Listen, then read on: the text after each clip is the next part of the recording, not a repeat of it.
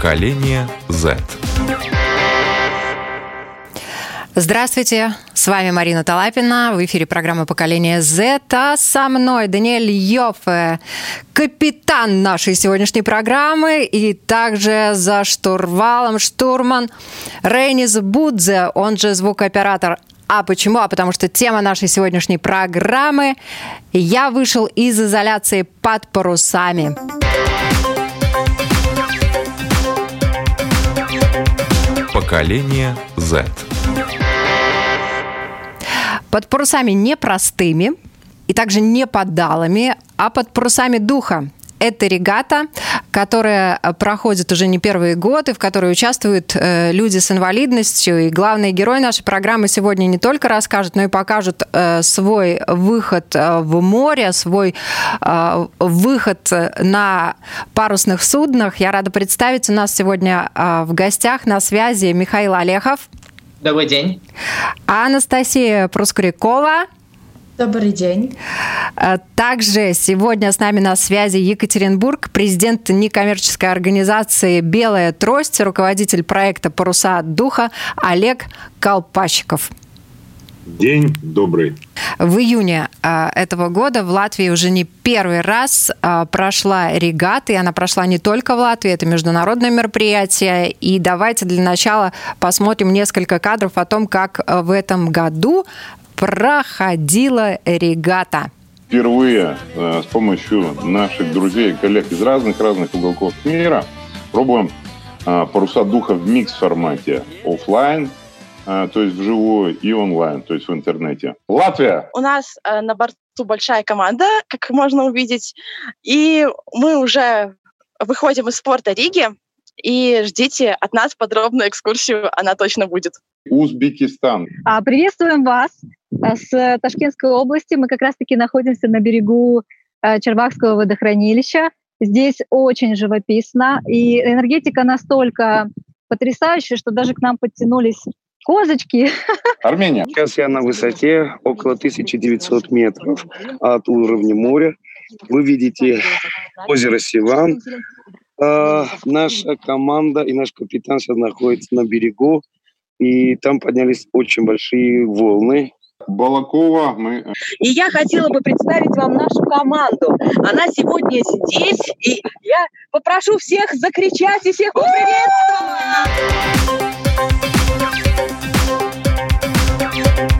Поколение Z. Регата международная. Сколько стран принимала участие откуда а, народ, сколько людей а, в этом уже, наверное, движении, можно сказать, э, ежегодно принимают участие. Олег, вопрос, наверное, к вам. Да, добрый день еще раз. Э, регата международная. В этом году у нас было задействовано четыре страны. Так у нас гораздо больше стран э, в этом мероприятии за все годы приняли участие, там более 20. И, э, конечно, счет уже идет с 2011 года на тысячи человек, несколько тысяч человек приняли участие в регатах, в экспедициях, э, в социокультурных мероприятиях, в портах, да. И э, вот у нас в мероприятии, которое состоялось только что, да, в этом сезоне, первое – тоже приняли участие э, несколько сотен э, человек, опять же, повторюсь, из четырех стран. Давайте это, назовем эти страны. Да, ну, в первую очередь Латвия, да, это Армения, это Узбекистан и это Россия. Э, ребят, сколько было народа из нашей страны от Латвии? Но на катамаране у нас было больше 20 человек. И это много на данный момент. А, тем более, что у нас также очень в этот раз участвовало много незрячих, и именно поэтому это много, потому что, наверное, ну, человек 8 из них были незрячие. Как родилась идея, сколько проекту лет? Интересно, есть в России такой пара спортсмен, известный Сергей Бурлаков. У него нет э, конечностей, да, и ну, первый пробежал Нью-Йоркский марафон на двух протезах выиграл его, очень активный такой парень. И вот он выдвинул идейку, идею, что я хочу в кругосветную экспедицию под парусом, в интересной команде. И он там искал партнеров, э, единомышленников. И вот мы с ним встретились в Таганроге, где он живет, да, нашел меня. А я не зрячий, да, и Сергей так обрадовался, так здорово. У меня вот без рук, без ног, ты, говорит, не зрячий, вместе пойдем в кругосветку.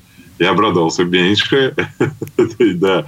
Вот, но мы э, э, с помощью э, яхтенного тренера, капитана Виктора Клокова сделали, сделали первую тренировку втроем, посмотрели, что мы действительно можем, что мы можем делать на паруснике, кто с чем может работать, и поняли, что мы можем двигаться, передвигаться, работать, вот, и э, начали тренировки. Потом уже мы вдруг поняли, что очень хорошо, когда мы не просто тренируемся, а в тех портах, где мы останавливаемся, мы делаем встречи, какие-то гуманитарные мероприятия, концерты. И так наш э, проект превратился в гуманитарную миссию с участием. Это не проект для инвалидов, это проект с участием людей с инвалидностью, инклюзивный. И главная его идея в том, чтобы люди через инклюзивное взаимодействие развивали скрытые таланты и способности. Скрытые таланты и способности. Наши ребята уже не первый год тоже принимают участие в э, парусах духа. Вот как вам в этом году? Что для нас было необычно в этом году? У нас была команда онлайн-моряков, так как мы попробовали сделать микс-экскурсию, что у нас были участники как и физически, так и можно было присутствовать на разных платформах Facebook, YouTube. И э, это для нас было, э, конечно, уникальный опыт, и поэтому это взаимодействие, чем всегда славились паруса духа, я так думаю, в этом году у нас вышло на новый уровень, потому что яхта это, всегда, это ограниченное пространство, и там нужно всегда коммуницировать. Поэтому это в первую очередь то, что дает паруса духа. Это коммуникация, и это очень запомнилось мне как участнику, как одному из организаторов. Я так думаю, Настя может ко мне присоединиться. А, что запомнилось мне, что тебе нужно отслеживать а, две вещи. Первое, что у тебя происходит на яхте, второе, что происходит э, в эфире. То есть нужно следить. А, и это был интересный опыт, потому что вот до выхода в эфир мы еще параллельно проводили знакомство на яхте, рассказывали людям о яхте. Потом ты быстро переключаешься в эфир. А, вот 20 минут эфира, и потом ты быстро возвращаешься опять к знакомству и тому, что ты рассказываешь, что на яхте, а, как устроено, отвечаешь на какие-то вопросы, просто общаешься. И параллельно следишь за тем, что еще пишут в чатах. Э, и это, это хороший опыт. А, это тренируется такое, не знаю, скорость. Мультизадачность. Меня, да, многозадачность. Ну, я не, вот не сильно верю в многозадачность. Я считаю, что хорошо ты все равно делаешь одну вещь, но мы еще успевали, да, обращать внимание, что в эфире нам пора выходить, готовиться и, и вот такое. То, что касается тренировок, э, учитывая и особенности этого года, да, э, как они проходили в этом году? Если говорить про этот год, у нас не было тренировок, мы просто бы физически это не успели сделать, потому что мы выходили из самоизоляции э, под парусами духа, поэтому тренировки были вот на месте сразу. Э, у каждого желающего была возможность посидеть, посидеть за штурвалом. Это не просто посидеть, вот тебя посадили, и ты будешь сидеть. Э, там это так не работает э, ты реально будешь управлять, тебе будет капитан подсказывать, что так, что не так. Вот в этот раз у нас был конкурс, не конкурс даже, а зрители, которые смотрели нас в прямом эфире, они голосовали. Мы на карте должны были нарисовать фигуру какую-то. Ну, то есть нашим маршрутом мы рисовали фигуру. И зрители голосовали, они выбрали чайку, и вот когда надо было эту чайку рисовать, то наш капитан позвал нас с Мишей, пол чайки рисовала я, пол чайки Миша под его руководством. То есть он говорил сейчас, в какую тебе сторону и насколько сильно э, нужно повернуть, чтобы вышло там крыло, клюв, еще одно крыло. И у нас, у нас получилась чайка. И вот что очень развивает паруса духа, э, это творческие способности и именно с творчеством связанные таланты, потому что для меня это тоже было как как Настя сказала, впервые а, в том смысле, что я впервые выступил на гитаре. Я недавно начал этим заниматься. И это, я так думаю, каждая экспедиция вот этим отличается, что каждый человек себя пробует в чем-то новом. И задачи обычно такие стоят, что вначале думаешь, как это сделать, но как-то это происходит, и сам даже не понимаешь, а, как этот процесс происходит. my sweetest friend. Я хотела добавить, что когда мы начали планировать это мероприятие, я смотрела на все это вот в сумме и думала, ну это же топия. У нас не так много времени и ресурсов, и как мы это сделаем? Но тем не менее, то, что касается творческих занятий, э, все команды всех стран подготовили э, свои творческие задания, и они были очень разнообразные. Да, интересный коллектив был. Э, у нас был, было включение с с Армениан Кэмп, это страна Армения, это лагерь такой, где занимается инклюзивным парусным спортом, причем очень давно. Им мы тоже помогаем там развивать, и сделали совместно первый доступный такой инклюзивный парусный центр в Армении, инклюзивный пляж и так далее. И э, ребята в Армении показали нам этот э, лагерь, и там были тоже и люди с инвалидностью опорно-двигательного аппарата, и э, были большие волны на озере Сиван, и люди с э, ведущий, да, Рудольф, он тоже там у него вопросы на этих, на больших волнах они заскакивали в яхту в прямом эфире. Вот, это было очень интересно.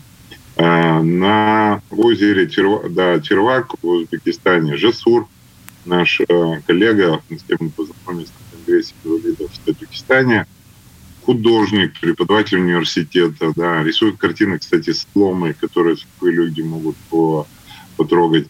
И вот он, они э, поехали на озеро высокогорное специально с волонтерами – и оттуда сняли интереснейший сюжет про озеро, про природу, про картины. Что примечательно, да, мы собираемся тоже развивать проект «Паруса духа» в Узбекистане, и как раз это озеро не случайно, потому что на нем мы планируем первые в Узбекистане регаты. Я думаю, что это будут вообще э, первые регаты э, в Узбекистане не только с инвалидами, а с инвалидностью, а вообще будут первые такие регаты – ну и, конечно, Волжская Венеция – это город Балакова, Саратовская область, называемая Волжская Венеция. И там в этом году тоже впервые пройдет э, фестиваль «Паруса духа». И вот э, организаторы этого фестиваля, регаты, впервые тоже на э, яхте вышли с таким задором, интересно, они все это тоже впервые. Капитан рассказал про яхту, и э, вот такой у нас э, получился коллектив. А, что интересно, да, что интересно, мы в э, момент самоизоляции просто как не сидели, мы тренировались как раз, так сказать, онлайн-плаванием. Мы создали несколько таких онлайн совместных инклюзивных мероприятий, в которых на самом деле происходит взаимодействие, с инвалидностью, представители других социальных групп – в которых люди прирастают. Очень интересный опыт благодаря вот самоизоляции. У нас круглые столы в специальном таком формате в двух кругах международные мы делали. И э, управленческие поединки инклюзивные, тоже Михаил у нас принимал участие. Да, Настя э, делала там мы проект, пробовали инклюзивная речь. Э, то есть мы работали и работаем э, в онлайн и тренируем как раз те компетенции, которые вот нам э, помогли вот это мероприятие в том числе провести. Потому что, представляете, то есть э, в чем интерес, да? Незрячие люди проводят в онлайне мероприятия с участием зрячих людей. Незрячие проводят для зрячих. Это ну, интересно, когда ты готовишь это, когда ведешь это. То есть это, это не просто абсолютно... интересно, Олег, я вам скажу больше. Это восхищает и вдохновляет. Я думаю, что всех людей. И Миша говорила не раз, и я перед вами преклоняюсь на самом деле, глядя на вас, а, понимаешь, что вот надо жить и радоваться жизни, и можно так много всего попробовать сделать. Главное Главное участие, правда? Главное не тормозить, главное активно этим заниматься. Вот то, что касается тренировок, в прошлом э, году ребята рассказывали, что да, на самом деле перед тем, как выйти в море, там были разговоры и с родителями, потому что родители тоже так думали, а как это вообще будет, да? И, конечно, у всех наверняка и сейчас, кто нас смотрит, возникает вопрос, а как это?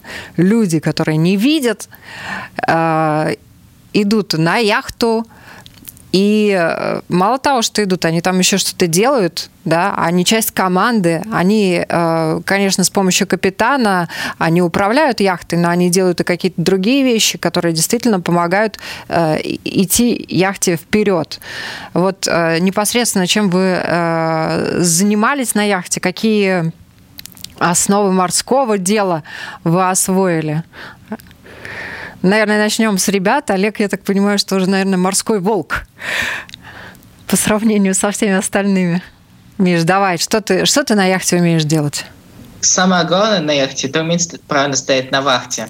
Потому что каждый участник парусов духа, а, он участвует во всем, что происходит на корабле. И вахта – это одна из таких составляющих частей, когда у тебя может быть у тебя есть определенное время – или ночное, или дневное, когда ты должен присутствовать морально и поддерживать команду и одновременно помогать ей по мере воз возможности. Кроме того, я научился вязать морские узы, но это в меньшей степени. Это, это надо иметь особый склад ума, потому что очень как бы все просто кажется, но потом ты забываешь это и не можешь повторить. Это с моей стороны. И, конечно, какие-то базовые представления, как с парусами управляться. тоже что мне дало. Вся, а, вся экспедиция, вся гум, гуманитарная миссия. Ну и, конечно, самое главное — это создавать настроение, потому что мы э, не только чтобы переместиться из точки А в точку Б, но и за то, чтобы это весь, э, весело провести время и познакомиться и получить э, новый социальный experience. Настя. Угу. Ты ждала ну, регаты вообще в этом году? Я очень. Я уже не представляю свою жизнь без парусов духа. Я не хотела уходить с яхты в субботу, потому что э, после прошлогоднего месяца три часа это вот э, очень как-то мало, грустно. Я только, только, только можно сказать, зашла, мне уже говорят, надо выйти. А, ну, начнем, наверное, с каких-то практических вещей. То это, в принципе, а, помогать работать с парусами. А, и в прошлом году у нас, правда, получились хорошие занятия на воде, и мы, правда, научились многому, и, и и это, мне кажется, вот если с узлами, наверное, сложнее, я не каждый узел вспомнил какой-то сам... Не, навряд ли. То что делать с парусами, я теперь точно знаю, как это работает, я точно знаю. Если мне вот скажут, сейчас надо тебе идти, то я пойду, и у меня не будет вопросов, как это делать. А, да, вахты, про которые уже сказал Миша, тут, правда, стоит сказать, что и признаться, что несколько вахт я э, проспала, потому что нас так покачивало хорошо, что единственное, что я могла делать вот в такую качку, это спать. И это надо понимать, что иногда, может быть, ты выйдешь на вахту за кого-то другого, потому что он сейчас не может выйти на вахту. Э, но это в целом не страшно, и все договариваются. Из каких-то менее практических вещей, ну то есть наглядных, это очень важно уметь договариваться, потому что мы, нас много, а пространства мало. И вот когда я ходила раньше на несколько дней, я это так не ощущала. Вот, наверное, Миша не даст соврать, и Олег, что в прошлый раз, когда мы были несколько недель, а, все, ну, мы втроем получилось, что мы были долгое время тоже, то ты уже иногда вроде хочется и тишины, и какого-то своего пространства, и управлять своим временем, потому что ты им не управляешь, им управляет море отчасти, отчасти другие люди. И какой-то процент остается у тебя, конечно, да. И, конечно же, еще одна важная часть, которая не относится, наверное, к яхте, но относится к нашему проекту «Паруса духа», это та часть, что у нас есть гуманитарная часть, и она тоже, и там тоже нужно делать много чего, она сама себя не сделает. И я научилась быстро писать пресс-релизы. Вот я когда я дома, я там стараюсь подумать, перечитать по сто раз, э, то на яхте я была ограничена интернетом, потому что он может пропасть через час. То есть вот пока мы выходим из какого-то порта, у нас он есть. А через час его не будет, а его нужно ну, выложить. У нас мероприятие было сегодня, неизвестно, когда интернет у нас будет. Может, он будет завтра, может, вот в том порту его не будет по какой-то причине. И приходилось делать быстро и стараться не терять в качестве, что получалось, потому что ты не сомневаешься, а просто делаешь.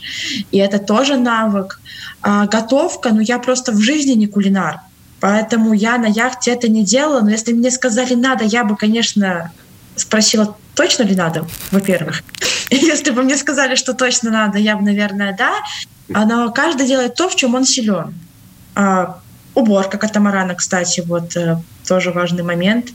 А, мне вспомнилось, как мы в прошлом году в очень жаркий день с нашим э, капитаном Янисом мыли палубу, и я, и я еле удержалась, чтобы там же не облиться водой, стоя сверху, или не облить кого-то мимо проходящего из этого шланга. Очень, очень было тяжело. Настя не любит готовить, я-то люблю готовить, поэтому особенно первую экспедицию, то есть я был, кроме руководителя, еще штатным коком, да, на, на корабле. На, э, и интересная тема. Вот у нас есть коллеги, э, польские смены, э, тоже незрячие. Проект называется «Зубачить може», «Увидеть море». Похожий проект, только яхта побольше, там по 40 человек. И мы летели с конференции «Экстрабилити» в Екатеринбурге с, с, с коллегой, с незрячей девушкой, да, с Патрицией, которая у нас участвовала тоже в «Парусах духа». И она папе рассказывает, что папа там как-то связан с парусным спортом, рассказывает, что они делают. И папа говорит, ну вы все равно не настоящий эксмен. Вы не настоящий эксмен, и типа того вам там помогать надо, смотреть вы там не можете. Вы не настоящий эксмен. Я так посидел в самолете, мы рядом сидели, и мне вдруг пришло, как объяснить, что мы самые настоящие, а может быть еще более настоящие эксмены. Дело в том, что а, парус, э, парусные же, парусники придуманные, это сейчас мы на них э, соревнуемся и развлекаемся, правильно? Соревнуемся и развлекаемся в основном. А парусники, они вообще были придуманы для дела. Они перевозили людей, перевозили товары. Помните, первая кругосветная экспедиция, это люди э, поехали специи, да, Магеллан, за специями в Индию. То есть это совершенно конкретная задача. Так вот, у нас, э, мы же не катаемся, у нас совершенно конкретная задача, как сказал Настя, у нас гуманитарная миссия. Мы помогаем развивать скрытые таланты и способности участникам, и в портах, где мы делаем там мастер-классы, воркшопы, концерты. И это основная наша работа. Это наша основная работа, это гуманитарная миссия. И тут э, люди с инвалидностью, вот Настя сказала, там релизы писать, Миша на гитаре играет в Швеции, там где-то э, организуем мероприятия, проводим мастер-классы, прогулки с завязанными глазами, там другие кулинарные шоу. То есть э, это огромная работа, и она э, связана как раз вот именно с частью гуманитарной миссии. И здесь, конечно, работа и плюс организация, да, вот именно организация мероприятий. У нас в прошлом году вот Настя как раз, Настя и Влада впервые там взялись, сами организовали практически э, да, экспедицию, все мероприятия в разных странах. Вот. И это, это работа, и в этом э, на, смысл наших парусных экспедиций. То есть мы не катаемся. И к нам присоединился профессиональный яхтсмен, капитан катамарана, на котором наши латвийские ребята выходили э, в море э, под парусами духа. Паруса духа от Латвии возглавлял Улдис Межелис. Улдис, здравствуйте. Добрый день, добрый день всем, друзья. Это Улдис, вот пока вы говорили, а, мы говорили о том, насколько а, вообще можно серьезно относиться к незрячим а, их сменам. И мне пришел в голову образ наполовину незрячего классического пирата, у которого заклеен один глаз, да, и вы как капитан, профессионал своего дела, вот э, на ваш взгляд, ваше мнение, насколько серьезно можно относиться к ребятам, которые незрячие, но участвуют в яхтенном э, спорте? Да, понятно, потому что вопрос как бы в шутку, но ответ будет очень, очень даже серьезный. Э, относиться надо очень серьезно. Я отношусь всегда очень серьезно, с уважением, с, с, со всей серьезностью, потому что, как я уже неоднократно говорю, всегда говорю, что мы все одна команда, и если мы отошли от берега, то мы находимся на плавающем судне, и каждый должен, э, как говорится, отвечать за товарища, за друга, за команду. Так что все одинаковы. Просто каждый делает свое дело. Очень серьезно. А вы прямо сейчас на яхте? Нет, прямо сейчас только с трактора сошел. Если серьезно. А, как вы готовите, как вы тренируете свою команду? Мы уходим каждый день у нас, э, когда идет экспедиция, и даже перед экспедицией у нас э, бывают и спортивный лагерь, был в прошлом году один, где все тренировались. А обычно мы выходим на катамаране в море, и тогда у нас час, два, три каждый день идет занятие практически и, и эти, которые за столом мы учимся. Да? Теоретические. Теоретические, да, спасибо. А можно добавить к занятиям? Я просто да, вспомнила, в прошлом году у нас перед тем, как мы пошли э, смотреть катамаран, как он устроен, э, у нас даже вот э, Улдис и, э, наверное, Лена, они сделали такую, можно сказать, маленькую версию катамарана из подручных средств. А, у нас была э, бутылка от воды, и трубочки, при помощи этого был сделан парус, чтобы показать, как это выглядит, как выглядит примерно парусник, как он лежит на воде, как он идет, чтобы мы понимали, что, как устроено. Мы сначала посмотрели все на маленькой копии, можно так сказать, на макете, допустим, а потом мы уже пошли на большой парусник, и, ну, то есть мы на нем были, но именно пошли смотреть паруса вживую, хоть и вот сверять с тем, что мы увидели в маленькой версии, потому что на большом ты не везде можешь всегда дотянуться. По крайней мере, с моим ростом не можешь. и, и это было очень интересно, и это, правда, очень помогло еще лучше понять, как вообще средство перемещается по воде, как мы идем, э, как мы взаимодействуем с волнами и ветром, как это влияет на ход нашего парусника не в теории, когда ты слышишь, тебе там говорят, куда, куда ветер дует, а еще и когда мы это посмотрели на макете. Вот хочется вас спросить, вообще какие-то экстремальные ситуации бывали в прошлые годы, и как вы с ними справлялись? Наверное, я возьму сейчас слово. А, из таких экстремальных ситуаций я, конечно, могу вспомнить прошлогодний наш случай, эм, когда у нас в море упала мачта, и это для всех стало неожиданностью. Но вот в том-то и все, весь смысл того, что уже Удес упоминал, что когда мы, кома- когда мы отходим от берега, мы все командой поддерживаем друг друга. Эта ситуация, честно скажу, вначале казалась мне лично очень неприятной и безвыходной. Но вот именно окружающие люди, они, у них свое представление, и ты чувствуешь, э, что другие тебя поддерживают, и тогда куда легче эту ситуацию как-то с ней справиться.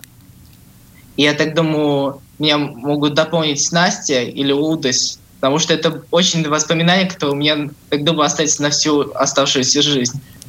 Не, не, правильно, правильно. Миша говорит, что мачта падает, ну падает, да, бывает на яхтах, что падает мачта, рвется ванта, это случай такой не, не ежедневный, но бывают такие случаи. Но это не экстремальные случаи. Экстремальные случаи обычно говорят, что там шторм, что большие волны, что там убираем паруса и так далее. Но э, возвращаясь к этому случаю, да, э, и, и, и, и, и такая школа должна быть, потому что, исходя из этого, мы тоже учимся все. И я думаю, мы справились все вместе с этим вопросом довольно оперативно довольно быстро, э, в том смысле, что яхта была привезена в порт обратно, мачту починили, все сделали и отправились обратно на экспедицию, даже, по-моему, ничего не отложили, не, не опоздали.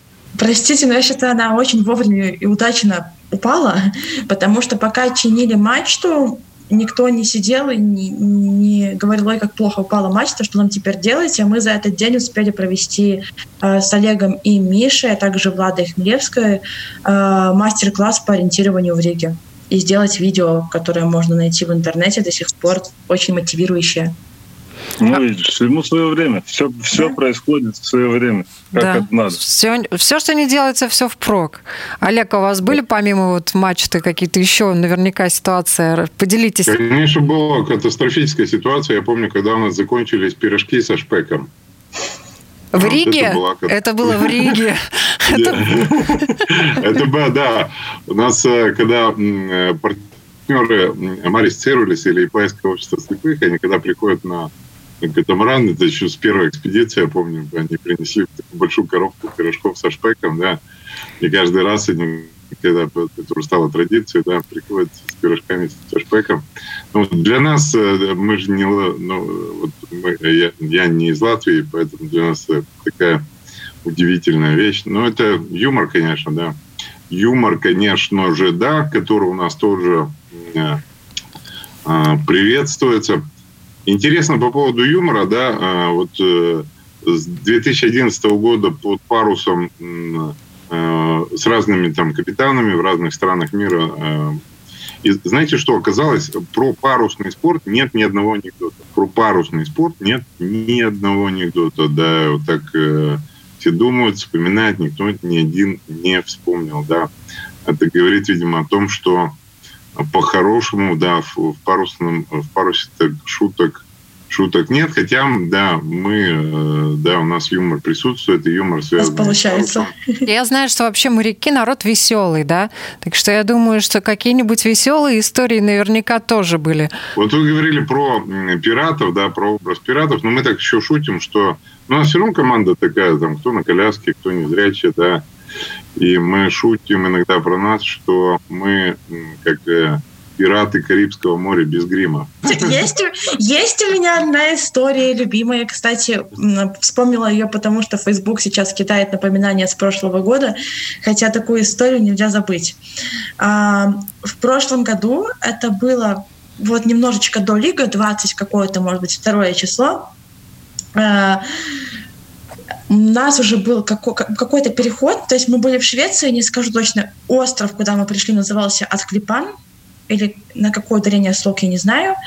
А, и мы когда на этот остров шли, то вот я сидела и мечтала, что я пойду в душ. Я просто представляла это очень ярко, и я вот о чистых волосах любая девушка мечтает, а когда находишься в море, то вообще неизвестно, когда это с тобой может случиться. И я представляла, что там будет душ, и там вообще все будет, вот о чем можно мечтать, то есть душ электричество, ни о чем другом ты больше не мечтаешь, когда ты в море, как бы тебе ничего не надо.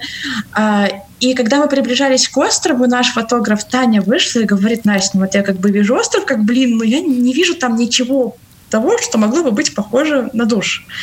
А, на что я говорю, ну, может, ты не видишь, и успокаивала себя этим, может, там где-то что-то есть. А, когда мы пришли, это оказался остров, где нет ничего, кроме маяка. И маяк такой вот, он, у нас такое настроение было еще под вечер, ну вот как, как из фильмов ужаса. Мы даже потом сочинили там историю и выкладывали на наши странички, он нас так вдохновил, что мы потом писали. И я сначала, честно говоря, расстроилась. То есть это была вообще не смешная история с, с моей точки зрения. Я хотела ругаться, вообще возмущаться и говорить, где мой обещанный душ.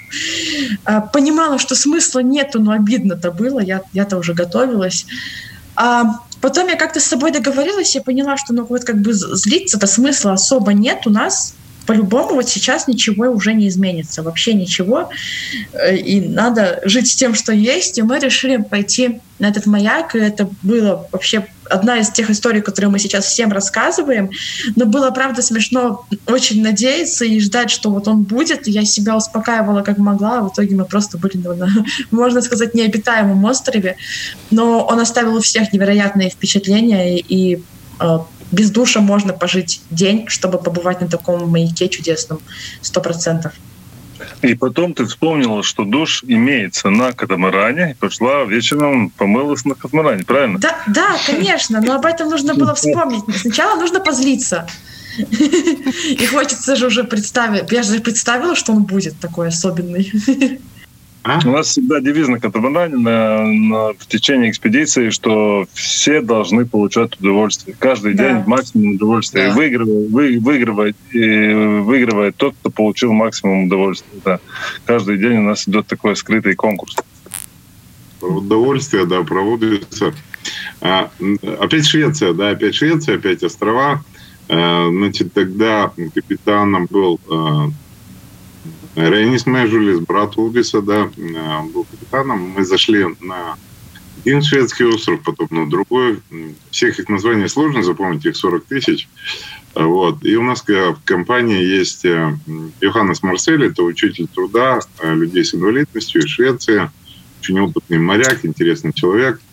И э, ну, часть нашего, нашей экспедиции все равно, когда в других странах мы пробуем, э, опять я пирожки со шпеком, от них пробуем э, что-то национальное. Это же интересно, да? Значит, Сулдис тоже будет, наверное, улыбаться, вспоминать, да. Вот, это переживание удивительное. Я тоже улыбаюсь. И, да, все начали улыбаться, потому что Юханес говорит, «Ну, вам надо, говорит, попробовать э, шведскую селедку сюрстрёмин. Обязательно, да. Вот, говорит, вот такая бывает. Шведская селедка сюрстрёминг, она для тех, кто знает, она продается она специально, мягко говоря, так ферментированная, она продается во вздутых банках уже, во вздутых. Значит, э, ее держат где-то как-то вот ферментировать. Это называется ферми... ферментация.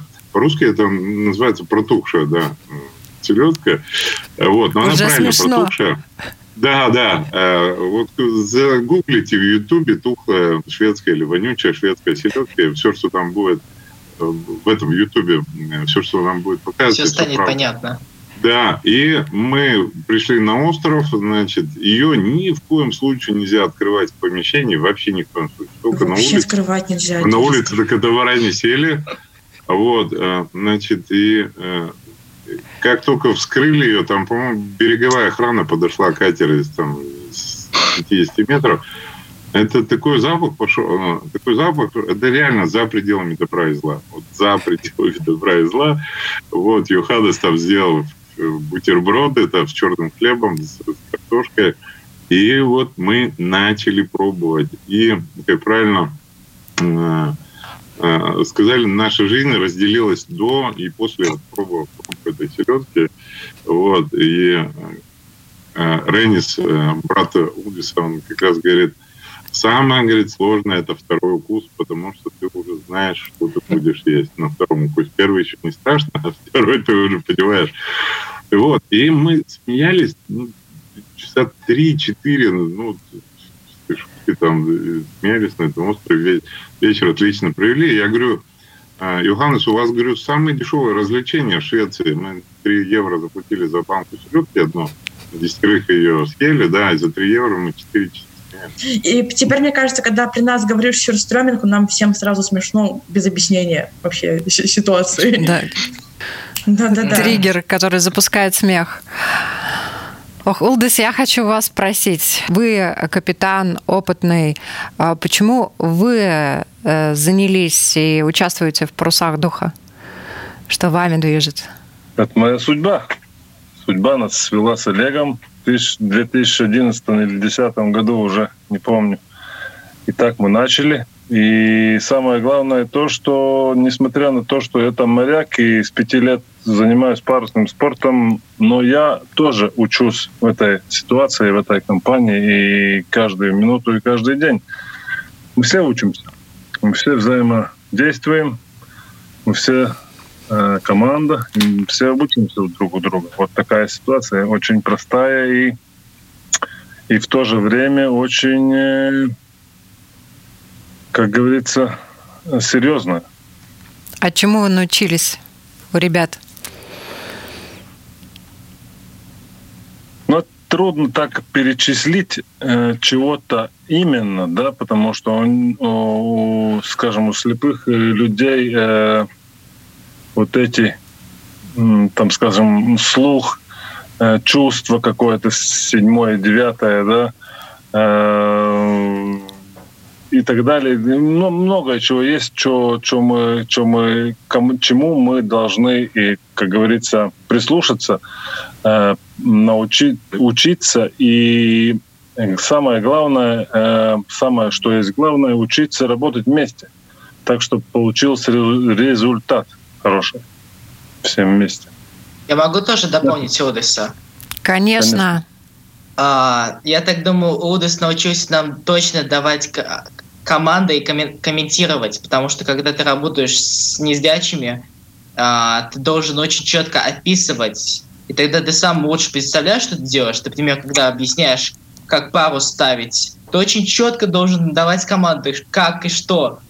А, и, например, та, та же модель, ты со временем мы к этому пришли, что через модель можно лучше понять.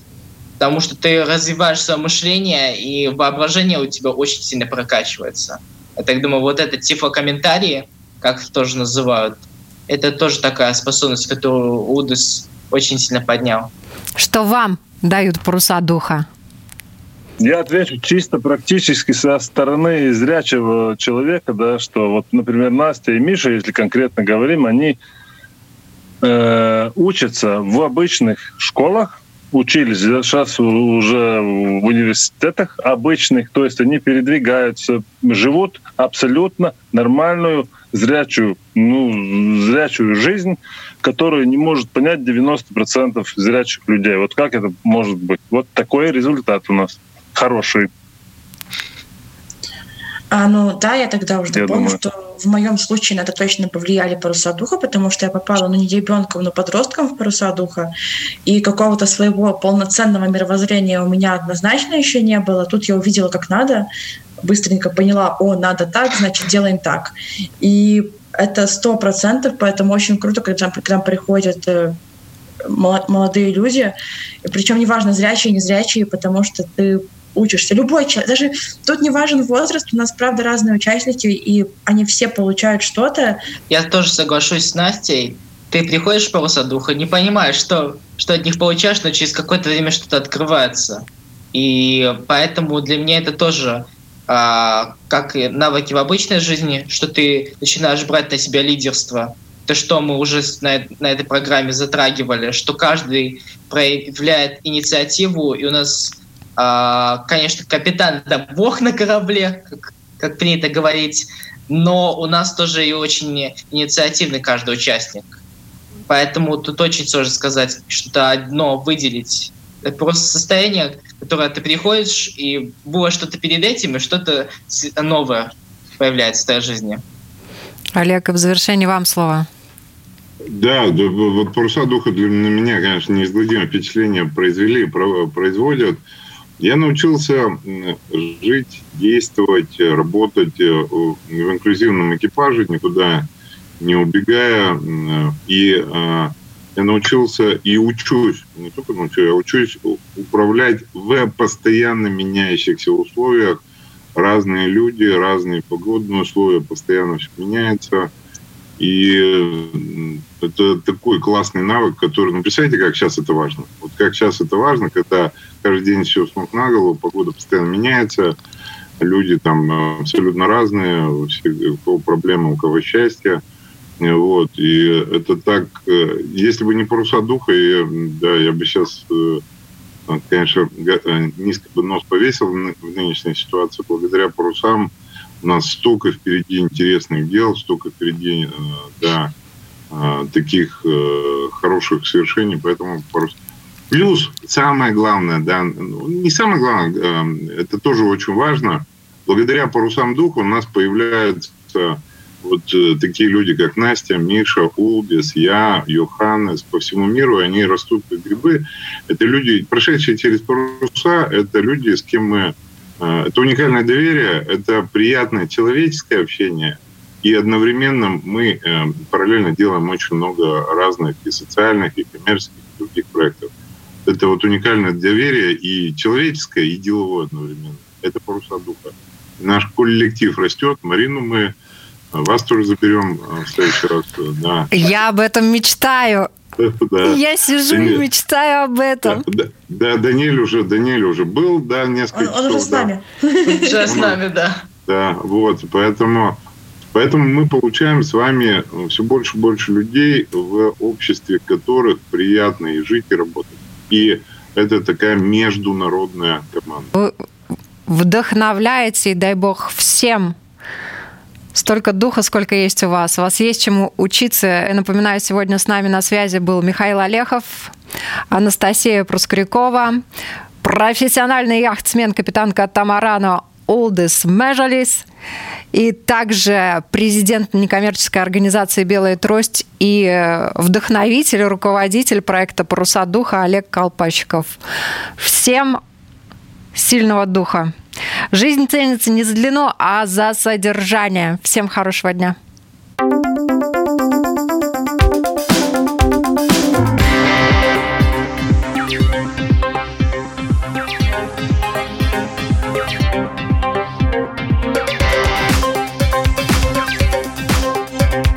Поколение Z.